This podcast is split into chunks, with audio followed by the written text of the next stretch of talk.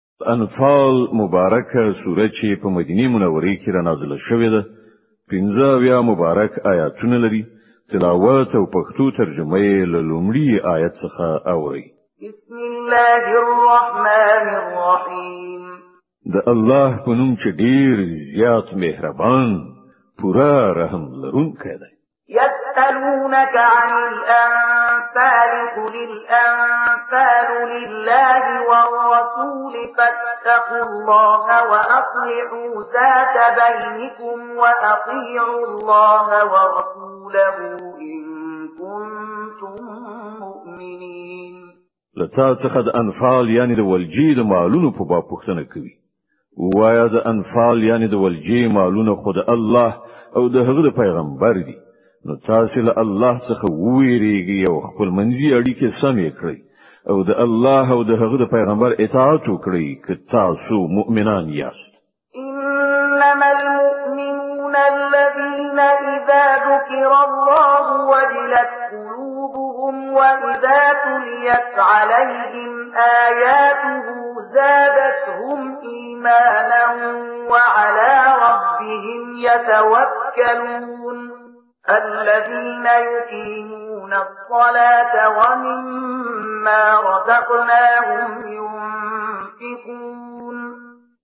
ریښتینی مؤمنان خو هغه دي چې د هغو زړونه د الله د یاد په اوریدلو لړزي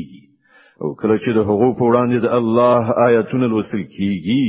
نو د هغو ایمان زیاتی او هغوی په خپل رب باندې اعتماد لري هغه کسان چې لمونځ قائموي او څه چې موږ هغو ته ورکړي دي له هغو څخه زموږ په لار کې لګوي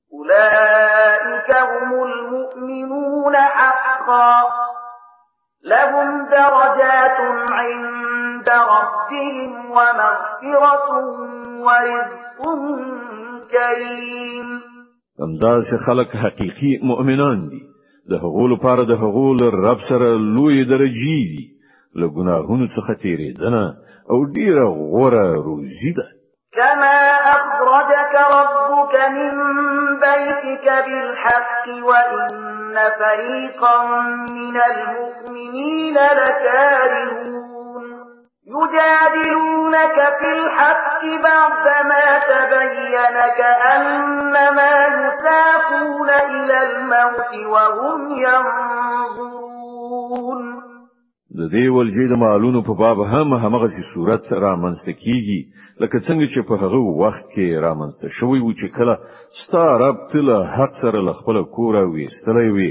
او له مؤمنانو څخه د یوې ډلې لپاره دا ډیره بده بریښیدل غوی د دې حق په باب له تاسو سره په جګړه وو په داسې حال کې چې هغه په ډاګه څرګنده ښکار شوی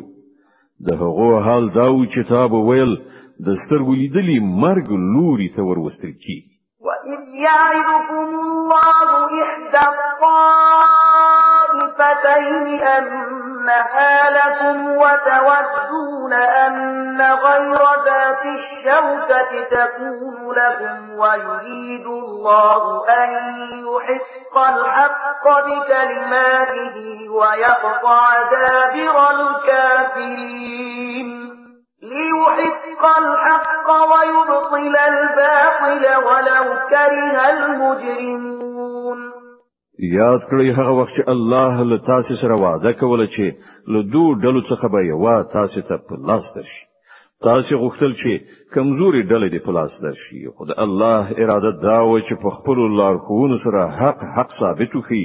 او د کافرانو بي خو باسي تر څو چې حق حق ثابت شي او باطل باطل پاتې شي که دا د مجرمانو لپاره څومره ناکاره بریخي هم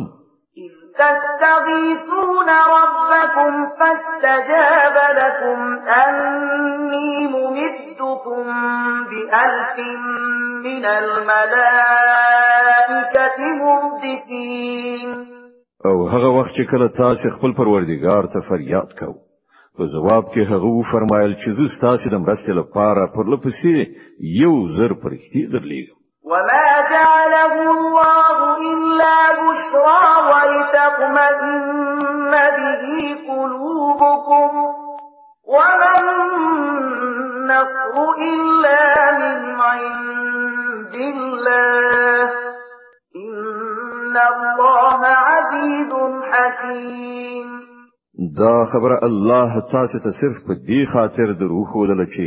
تاسو لپاره زیری وي او تاسو زړونه پر ډاډه شي کنه نو مرسته خو چې هر کله کیږي د همغه الله له لوري کیږي په یقیني توګه الله بر لاس او د حکمت څښتن دی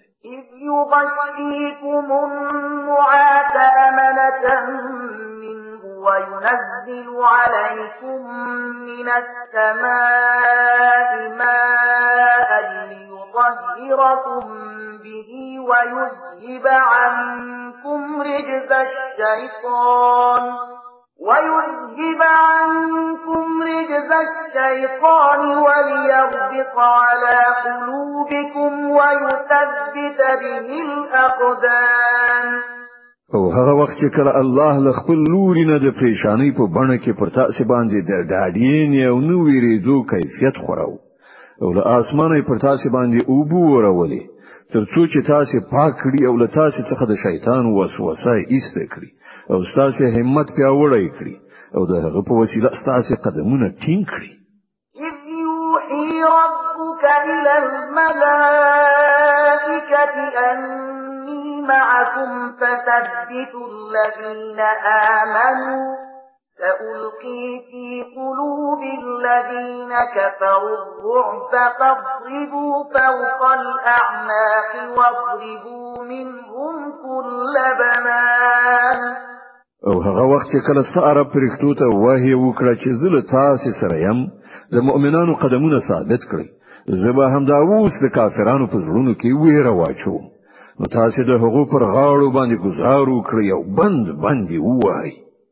صدق الله العظيم الله ستر رښتیا ویونکی دی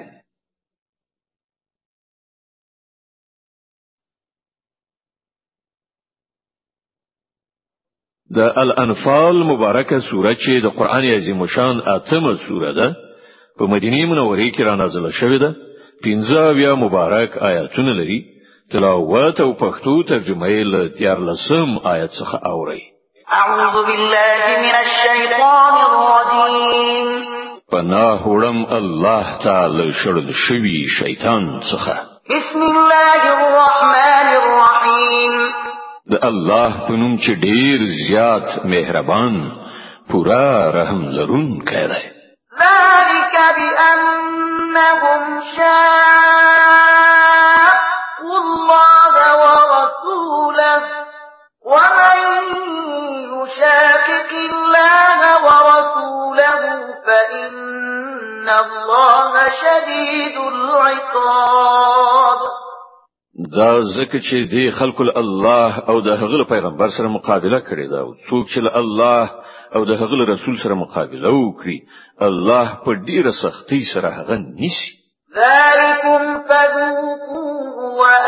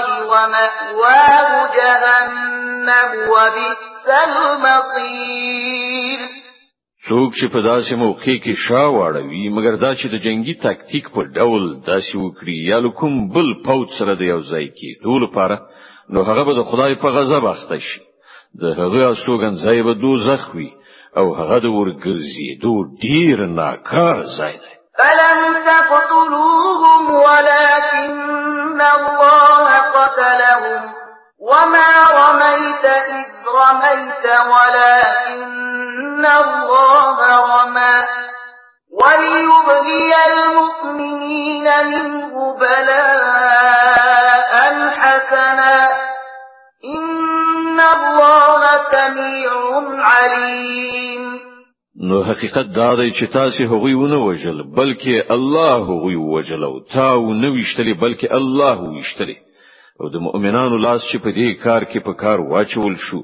نو دا د دې لپاره و چې الله مؤمنان لوي ډیر ښه ازموینې څخه په بری سره تیر کړي په باوري توګه الله اوریدونکی او پوهیدونکی دی ذلكم وأن الله موهن كيد الكافرين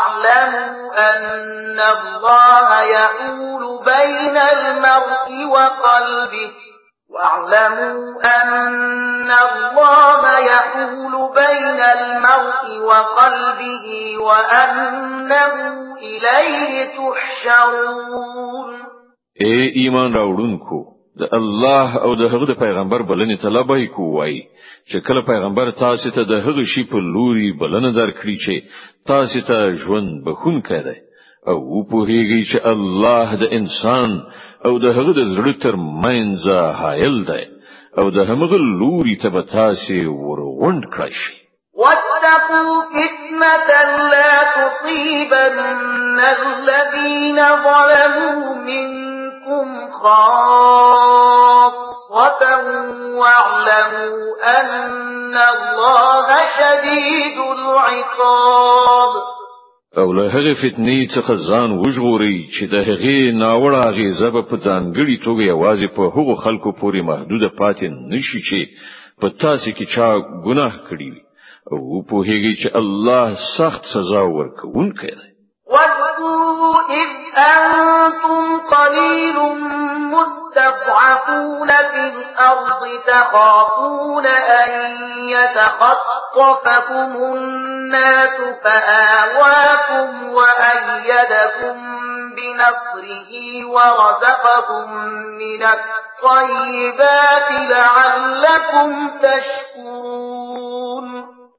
هغه وخت د پزړه کړی چې کله تاسو لګوي په ځمکه کې تاسو کمزوري ګڼل کیدی تاسو ویریدلی چې خلک مول منځ یو نسی بیا الله تاسو ته د پناه ځای برابر کړ په خپل مرسته تاسو مټ قوي کړ او خاروزی در ورسوله خای چې تاسو شکر ویستون کی اوسی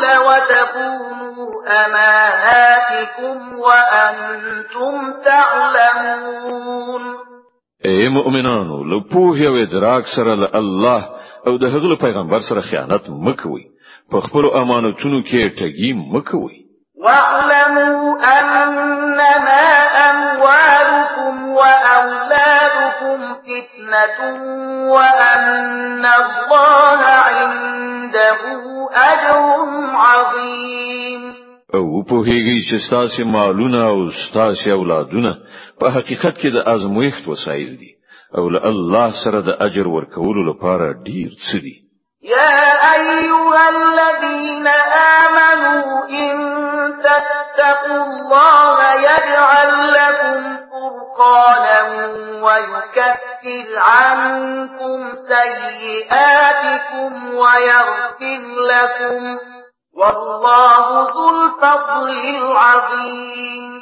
اے مؤمنانو که تاسو له خدای وویریږئ نو الله به تاسو ته محک یعنی فرقان در په برخه کړي چې په هغه سره د حق او باطل ترمنځ توپیر وکړي او تاسو به دی به درڅخه ایست کړي او تاسو قصور به دروبخي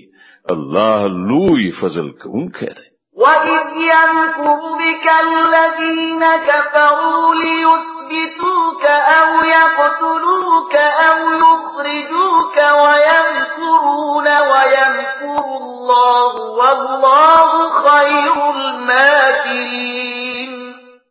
هغه وخت هم د یادونې وړ دی چې د حق منکرانو ستا په خلاف د سیسی جوړولې چې تا بندي کړي یا دی ووجني یا د لوتنه وشړي غوی خپل تدبیرونه په کار اچول او الله خپل تدبیر کاو او الله تر ټولو ډیر ښه تدبیر کوونکی دی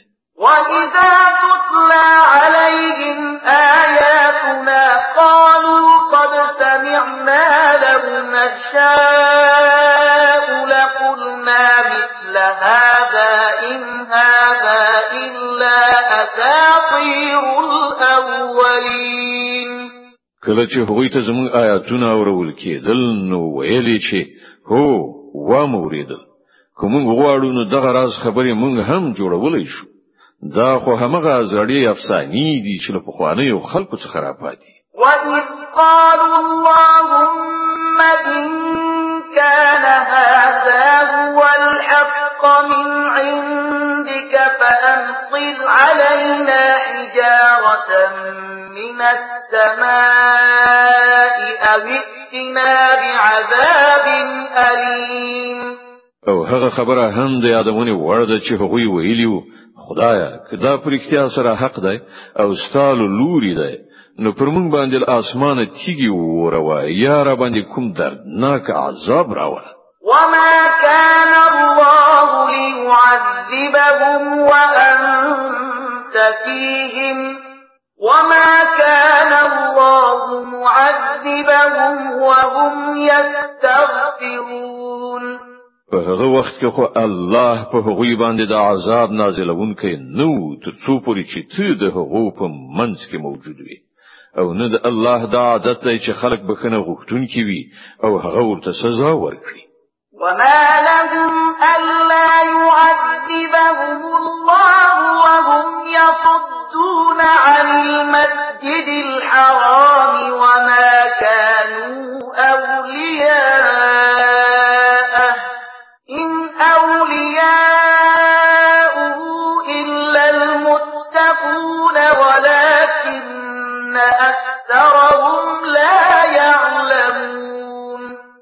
خو اوس به ولې هغه ور باندې عذاب نه نازلوي چې هغوی د مسجد حرام لار بندوي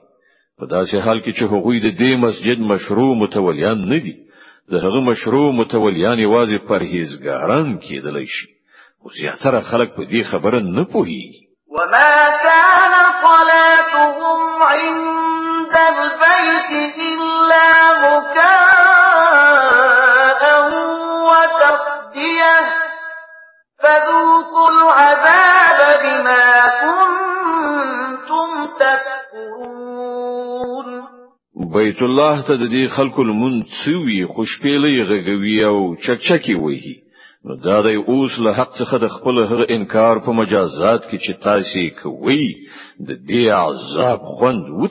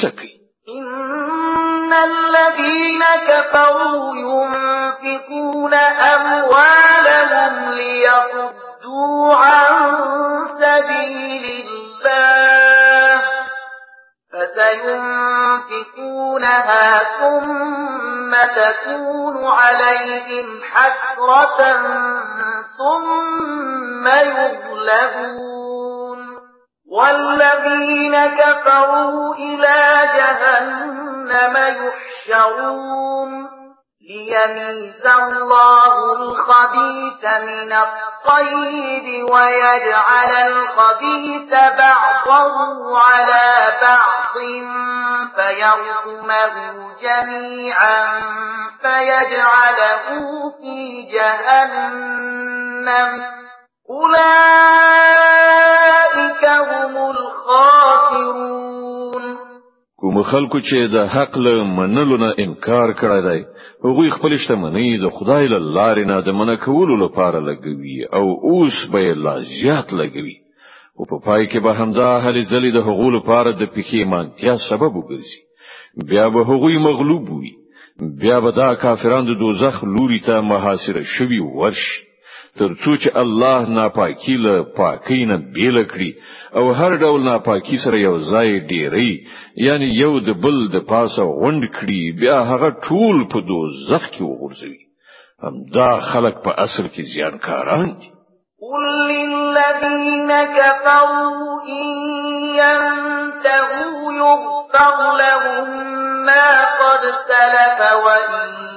يعودوا فقد مضت سنة الأولين ای پیغمبره د کافرانو ته وایي چې که اوس هم را واوړي نو څه چې مخکې شوي دي له هغو څخه به تیرېدنه وشي او که دوی هماغه مخکینی چلند بیا تکرار کړي نو له پخوانیو قومونو سره چې څه شوي دي هغه ټول تخکاره دي د الانفال مبارکه سوره چې د قران عظیم شان اتمه سوره ده په مدینه منوره کې را نازله شوې ده پنځه یا مبارک آیاتونه لري تلاوت او پښتو ترجمه یې له نه دیر شم آیت څخه اوري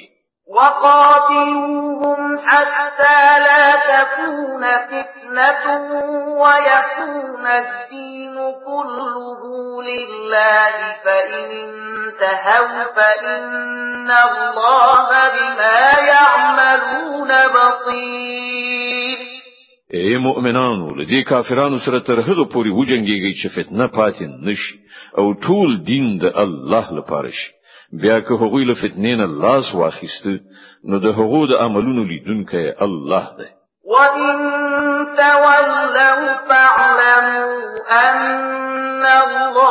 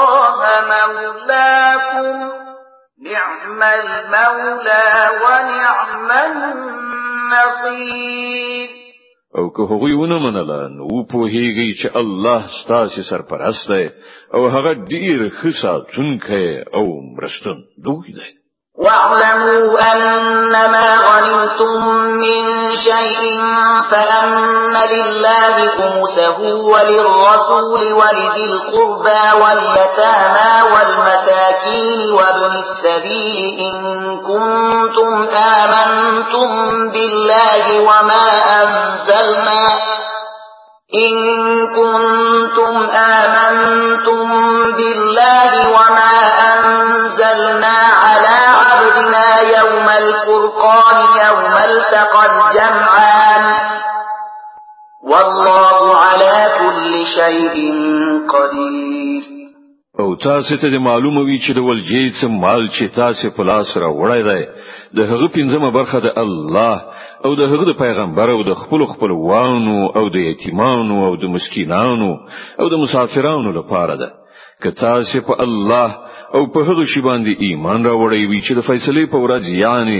د دواړو لخرو د مخامخ کیدو په ورځ مون پر خپل بنده باندې نازل کړی وو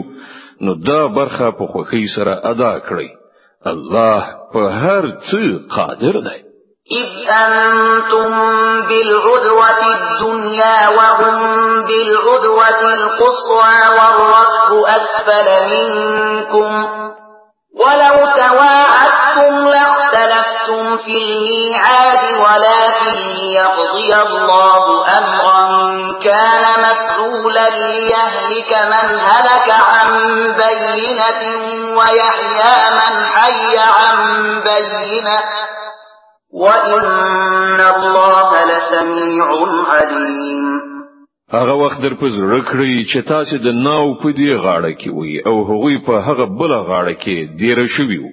او کاروان له تاسو نه لاندې د ساحل خواتو که چیرته له مخکې نه تاسو او د هغو په منځ کې د مقابله تړون شوی وای نو تاسو به ارومرو په دی وخت کې څنګه کړای وای هرڅه چې وشول هغه د دې لپاره و چې د کومې خبرې فیصله چې الله کړې و هغه منځ تراشي ترڅو هلاکی دونکي لخکاره دلیل سره هلاک شي او څوک چې ژوندۍ پاتې کیدونکی دی هغه له روښانه دلیل سره ژوندۍ پاتې شي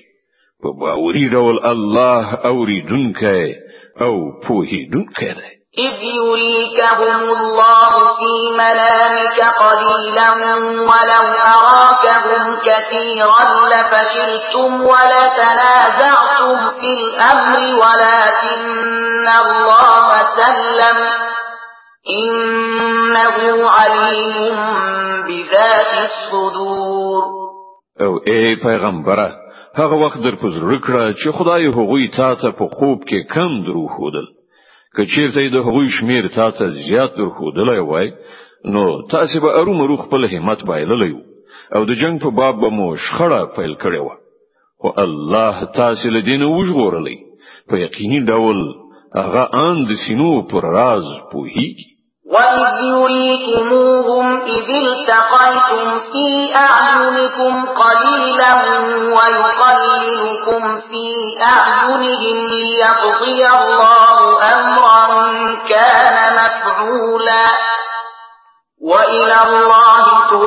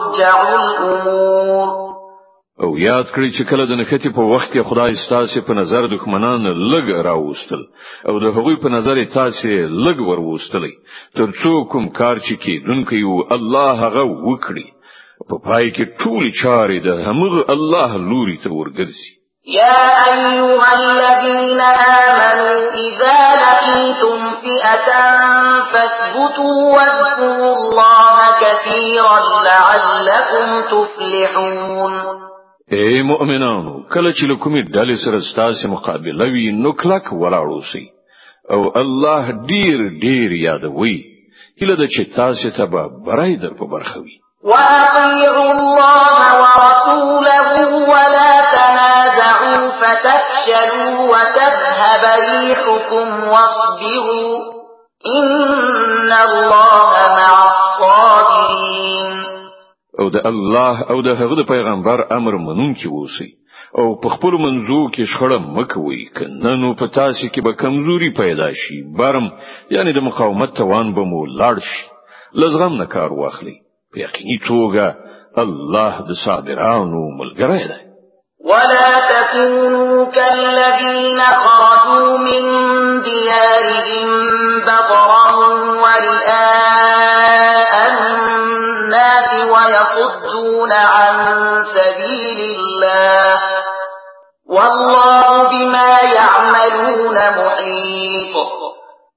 او تاسو د هغو خلکو غوندې مکیږي چې له خپل کورونو څخه په ویاړ او افتخار سره او خلکو ته د خودنې لپاره راووتل او کړندارې دا ده چې خلک د الله له لارې څخه منکوي او چې څه کوي د خدای له مؤاخذې نه دی باندې نه دي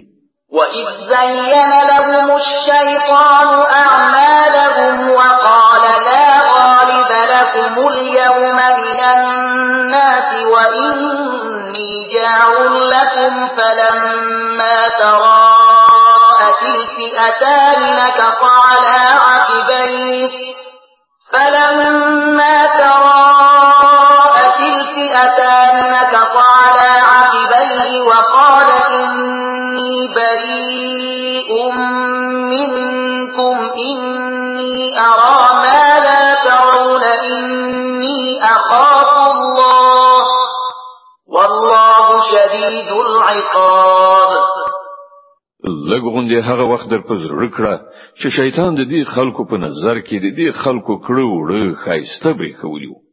او دوی ته ویلی و چې نن پر تاسو باندې څوک نشي برلاس کېدای او دا چې زه بل تاسو سره یم او کله چې دواړه ډلې سره مخامخ شوې نو هغه په پوندو په شاته او شو او وی ویل چې زه ستاسو له ملګرتیا نه بیزار یم زه هغه څه وینم چې تاسو نه وینئ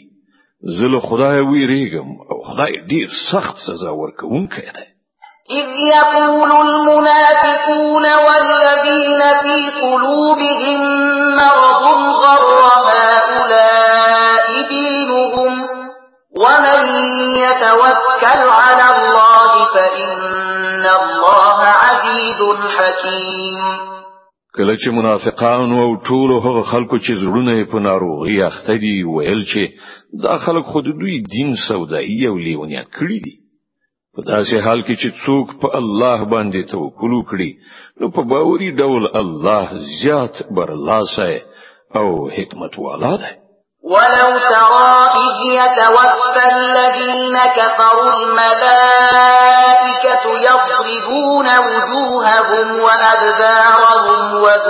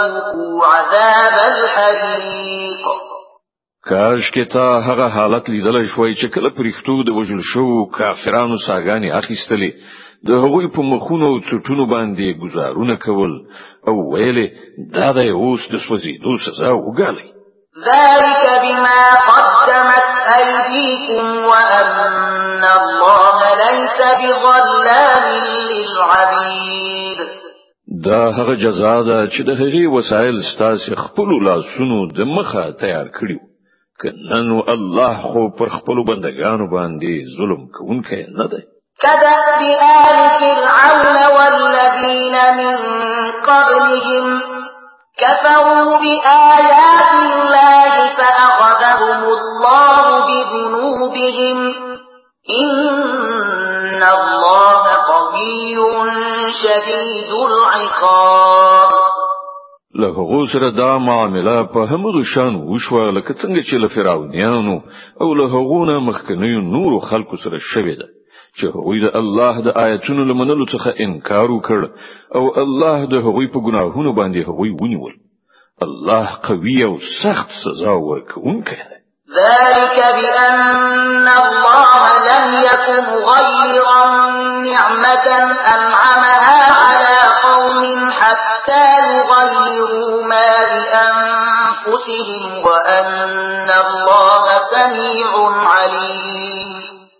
دا د الله د دې عادت سره سم شول چې هغه هیڅ یو نعمت چې کوم قوم ته ور په بخښه کړی وي تر هغه پورې نه بدلوي تر څو چې هغه قوم په خپل کړنلار او کړنچاره نه وي بدل کړی الله د هر څه اوریدونکی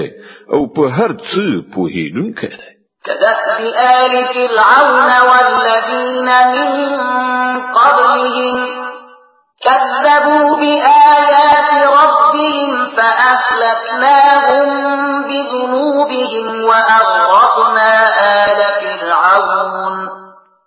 وكل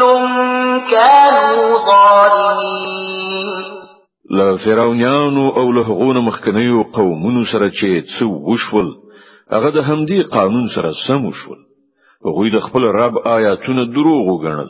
کله بیا موږ د هغوی د ګناهونو په مجازات کې هغوی هلاک کړل او فرعونیان مو غرق کړل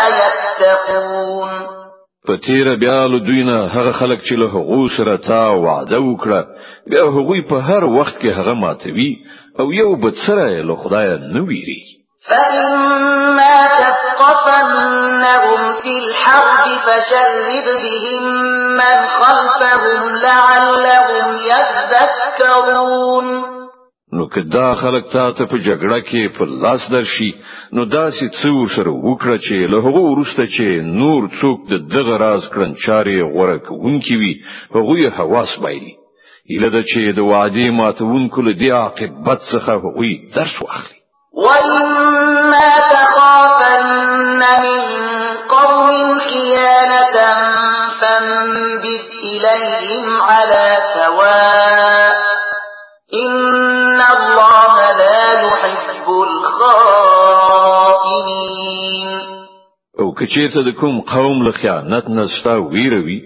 نو د هغو تړون په ښکارا ډول د هغو په وړاندې وغورځوه دا یقیني ده چې الله خائنان نه خوښوي ولا يحسبن الذين كفروا سبقوا إنهم لا يعجزون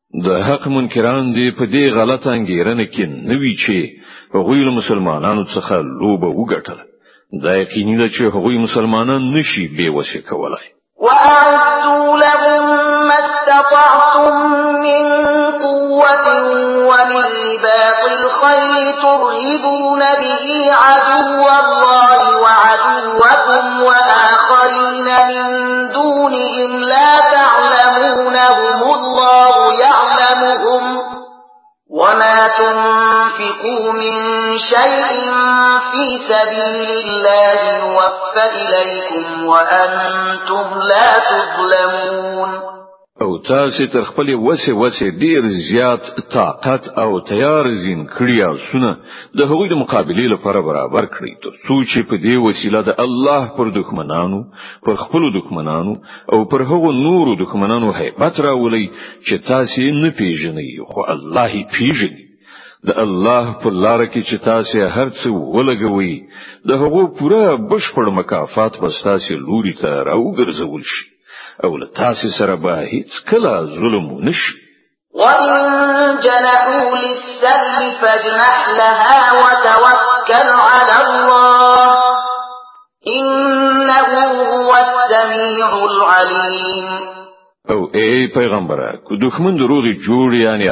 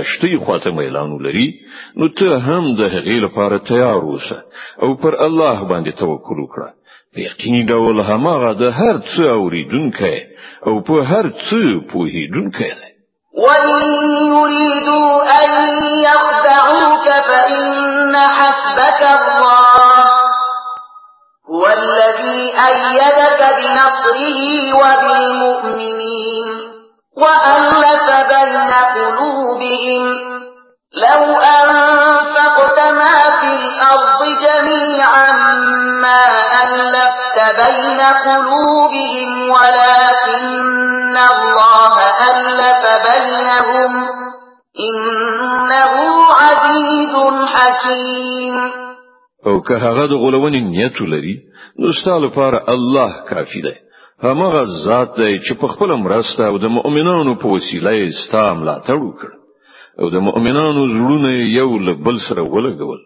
که تا د زمکه د مخ ټول خزانه لګولې هم وای نو د دې خلکو په زړونو کې د خپل منځي مینا نشوي چولای خو الله دای چې د دوی زړونه سره ولګول په یقیني توګه هغه ډیر زورور او د حکمت خاوند دی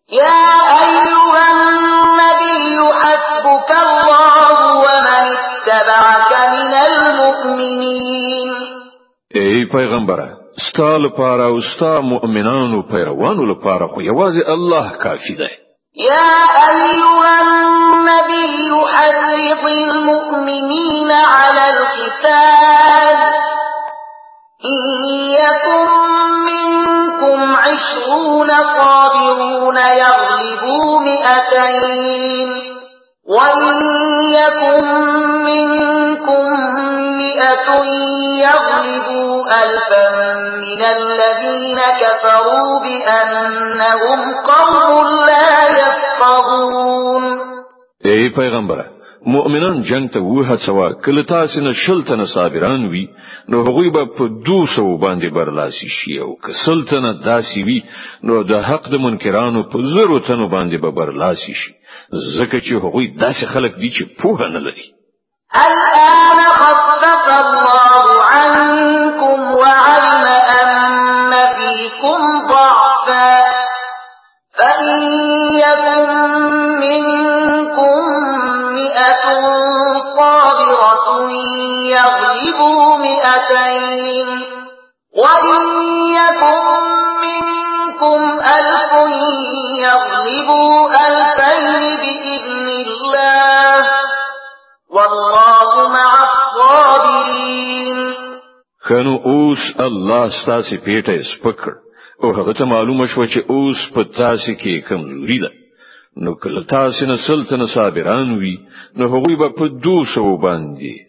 او که زر تنه داسي وي نو په دوه زرو باندې به د الله په حکم برلاسي شي او الله د هغو خلکو ملګری دی چې صبر کوونکي دي ما كان لنبي أن يكون له أسرى حتى يسخن في الأرض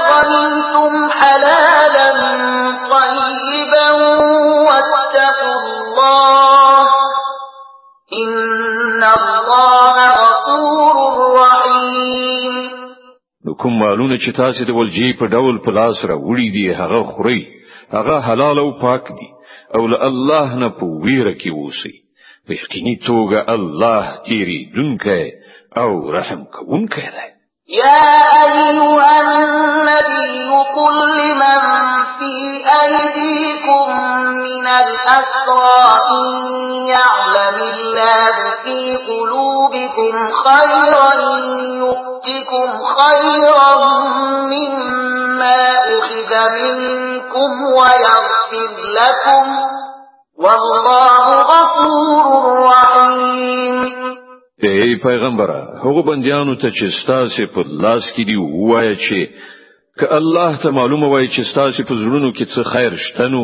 هغه به تاسو ته له هغه څه نه زیات درکړي چې له تاسو څخه اخیستل شوی دی او تاسو خطاوي به وبخي الله بخونکی او رحم کوونکی دی وَإِن يُرِيدُوا خِيَانَتَكَ فَقَدْ خَانُوا اللَّهَ مِن والله علیم حکیم خو که هغوی له تا سره د خیانت اراده لري نو لدین مخکې هغوی له الله سره هم خیانت کړی دی لکه چې د همغه کار سزا الله غوته ورکړه چې هغوی ستا لاس راغلي الله په هر څه پوهیږي د حکمت خاوند دی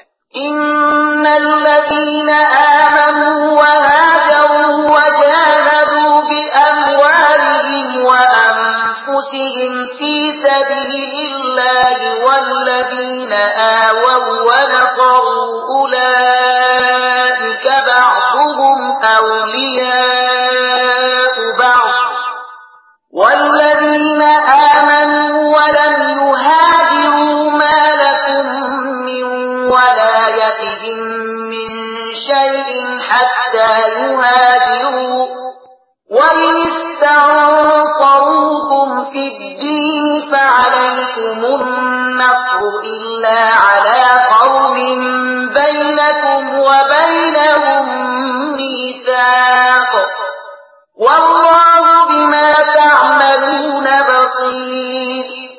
کوم خلکو چې ایمان راوړ او هجرت وکړ او د الله په لار کې په خپل سر او مال وجنګیدل او کوم خلکو چې مهاجرینو ته ځای ورکړ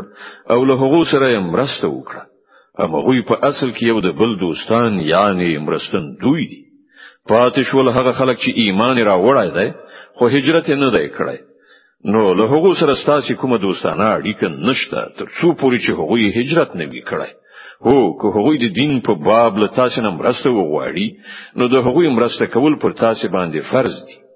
خو د داسې قوم پر خلاف نه چې له هغه سره ستاسو تړون وي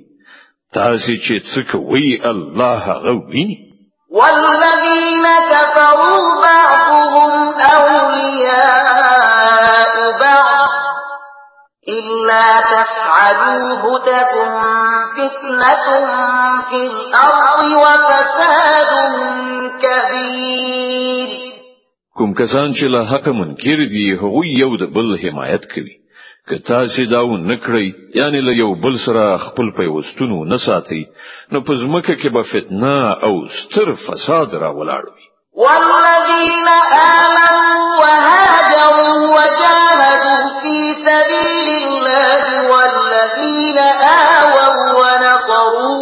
أولئك هم المؤمنون حقا لهم مغفرة ورزق كريم کوم خلکو چې ایمان راوړ او د الله په لار کې کور کلی پریخود او جهاد وکړ او کوم خلکو چې پناه ورکړه او مرسته وکړه هغوی ریښتینی مؤمنان دي